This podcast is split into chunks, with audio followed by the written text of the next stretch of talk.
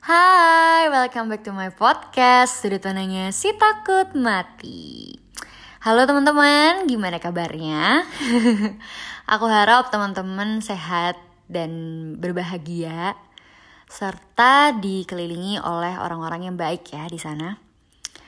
Kali ini aku pengen ngebahas tentang sudut pandangku mengenai apa ya bahasanya tuh uh, stereotype atau label gitu ya untuk orang-orang yang punya kecenderungan cari pasangan baru yang mirip-mirip nih tipenya.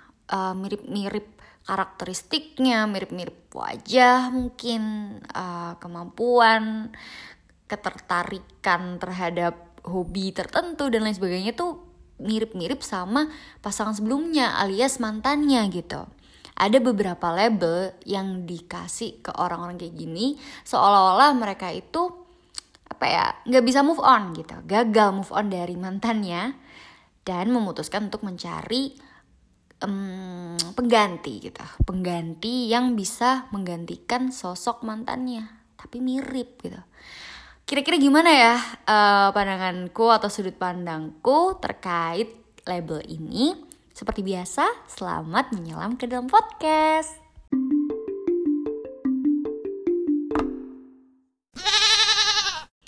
Latar belakang dikit nih ya. Sebenarnya ini tuh murni atas spontanitasku gitu. Spontanitas, ya kayak tiba-tiba aja pop up gitu kayak, wah ini kayak menarik sih buat dibahas, buat diobrolin gitu kan.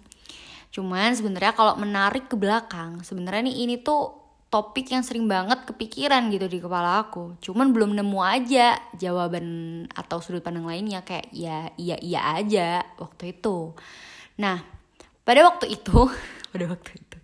Beberapa waktu yang lalu-lalu-lalu um, aku tuh sering banget ya mungkin temen-temen yang dengar nih juga sering lihat atau menyaksikan orang-orang curhat entah di sosial media atau langsung gitu kan.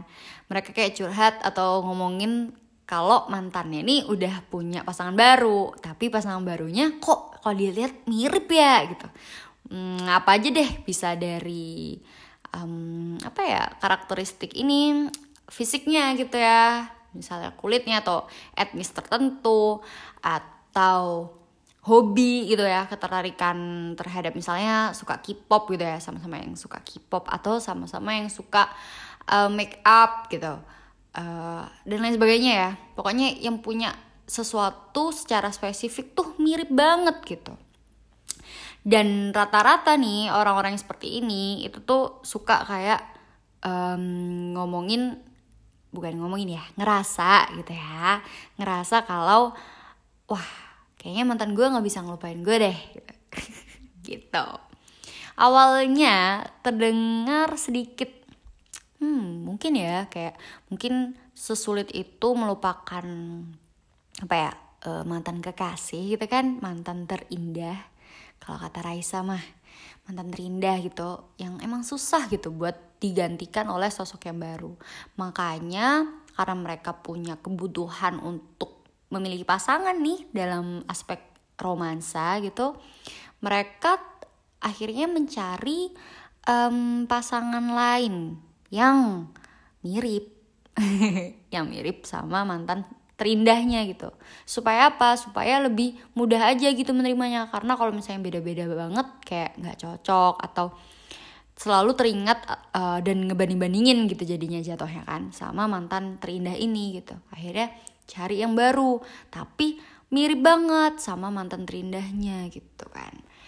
Tapi makin ke sini uh, ada beberapa apa ya beberapa peristiwa yang terjadi dalam hidupku yang ngebikin aku jadi mempertanyakan kembali tentang kesimpulan yang sebelumnya aku simpulkan.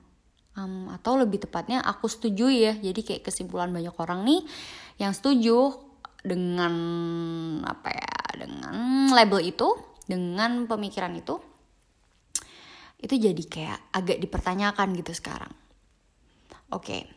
jadi um, beberapa waktu yang lalu hmm, kayaknya aku pernah cerita tentang ini deh di season pertama kayaknya soalnya kan lebih kayak personal tentang diri sendiri gitu kan di season pertama aku tuh kayaknya aku pernah cerita tapi coba aku ini ya uh, ceritain lagi gitu. Singkat aja. Jadi aku dulu um, apa ya stuck di satu mantan nih. Kalau boleh dibilang mantan terindah gitu. Tapi karena satu dua tiga empat lima hal yang lain akhirnya uh, kami nggak bisa bareng gitu lah ya. Ya pisahnya sih baik-baik. Cuman emang kalau di aku pribadi emang agak hmm, membekas gitu ya. Lebih ya karena menurut aku um, kisah ini tuh cukup mendalam gitu lah di aku. I don't know gimana dia cuman kalau di aku kayak gitu. Selama bertahun-tahun setelah putus um, aku kayak masih ngerasa nggak butuh dulu nih cowok gitu kan sampai ketemu satu cowok setelah dua tahun ya setelah dua tahun putus dari mantan aku ini.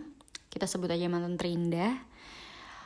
Lalu ketemulah sama cowok baru. Nah kalau bisa dibilang nih cowok baru aku setelah mantan terindah ini itu benar-benar apa ya mendekati banget sama tipe cowok yang aku idam-idamkan gitu. Kayak ya udah ini semua nih yang aku harapkan tuh ada di dia gitu kita pacaran selama beberapa bulan sampai suatu titik nih aku ngerasa kayak kok kayaknya aku um, apa ya nggak bisa menamai perasaan ini sebagai perasaan suka cinta atau sayang yang lebih dari temen ya kayak kayak I don't know, kayak ini nggak terasa benar aja gitu. Rasanya aku kayak malah sedang menyelingkuhi mantan aku. Padahal kan udah jadi mantan gitu kan. Itu aneh. Dan setelah itu aku menyadari kayak oh ternyata emang perasaanku ke dia tidak seperti perasaan dia ke aku. Akhirnya kita putus. Kemudian uh, ada lagi satu orang datang, satu orang baru datang sebenarnya hmm, secara keseluruhan uh, hubungan kami tuh lebih baik ya karena ya kita sama-sama lebih belajar mungkin ya dari masa lalu juga aku pun juga semakin belajar uh, semakin banyak yang aku tahu juga semakin ngerti cara memperlakukan pasangan gitu kan ya udah nih satu orang ada kita jalani hubungan yang sebenarnya tanpa komitmen tapi aku juga menyadari di situ ternyata perasaan aku gak juga sedalam itu. Sama seperti mantan aku yang sebelumnya. Hmm, gak kerasa benar aja gitu. Meskipun aku gak merasa sedang men menyelingkuhi siapa pun di saat ini gitu, di saat itu gitu. Uh, tapi karena ngerasa gak bener nih kayak kok kayaknya aku cuman suka temen aja ya kayak gitu. Kayak nggak ada lebih you know lah perasaan cinta atau suka sayang sebagai pasangan tuh kan beda ya sama pertemanan persahabatan atau orang yang dikagumi gitu kan beda. Nah ini tuh beda kemudian akhirnya aku singkat cerita juga mengakhiri uh, kami akhirnya mengakhiri hubungan ini. Lalu suatu ketika uh, aku ketemu dengan satu sosok orang yang menurut aku gak mungkin banget aku jatuh cinta sama orang ini. I mean mungkin iya tapi kayak kayaknya nggak akan sampai yang jatuh sedalam itu gitu. Karena ya I don't know kayak sulit jatuh cinta aja kan aku kan. Jadi kayak nggak lah gitu. Tapi ternyata terjadi. Dan lucunya adalah aku memahami perasaanku tuh ketika aku ngobrol sama seorang temanku gitu.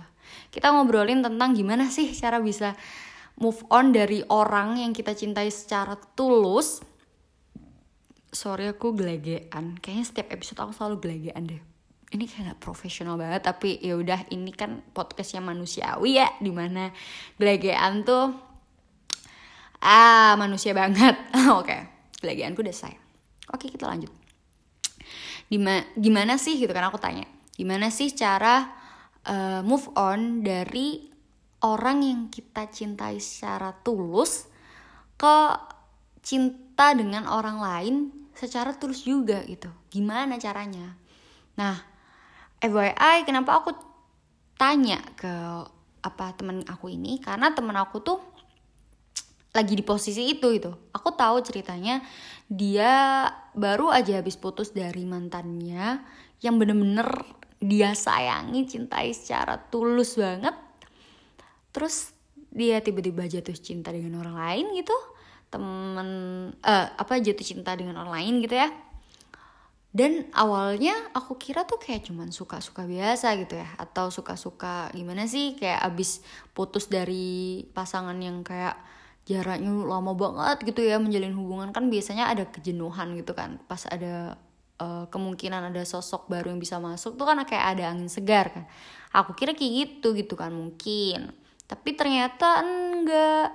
Ternyata setulus itu jadi aku tanyain gimana caranya. Karena dia seolah tidak berusaha gitu. Akhirnya aku juga menceritakan kisahku kan supaya dia bisa dapat gambaran nih kira-kira apakah um, formulanya dia nih bisa diterapkan di caseku atau enggak gitu. Akhirnya um, dia coba menganalisa gitu kan. Nggak menganalisa secara yang gimana gimana ya cuman kayak tebak-tebakan lah kayak ini kali ya gini kali ya gitu kan. Terus ada nih satu pembahasan dia ngomong mungkin ya kamu tuh sebenarnya uh, butuh yang lebih baik butuh yang lebih baik aja dari mantan kamu yang kamu gamuanin itu. Makanya ketika kamu dapet yang belum lebih baik ya kamu bakalan terbayang-bayang terus sama mantanmu yang itu. Kebetulan kalau aku alias dia ya kebetulan kalau aku uh, dapet orang yang emang lebih baik daripada orang sebelumnya. Jadi emang apa ya kayak worth it aja gitu. Secara nggak langsung itu kayak tergantikan aja. Meskipun beda orang beda aku secara sadar be, uh, ngerasa beda orang beda apa ya beda standar beda kelebihan kekurangan dan lain sebagainya. Tapi ya mungkin itu lebih mudah aja. Ya singkat cerita kayak gitulah ya dia bilang gitu. Terus aku mencoba untuk memahami gitu. Tapi kayaknya enggak sih.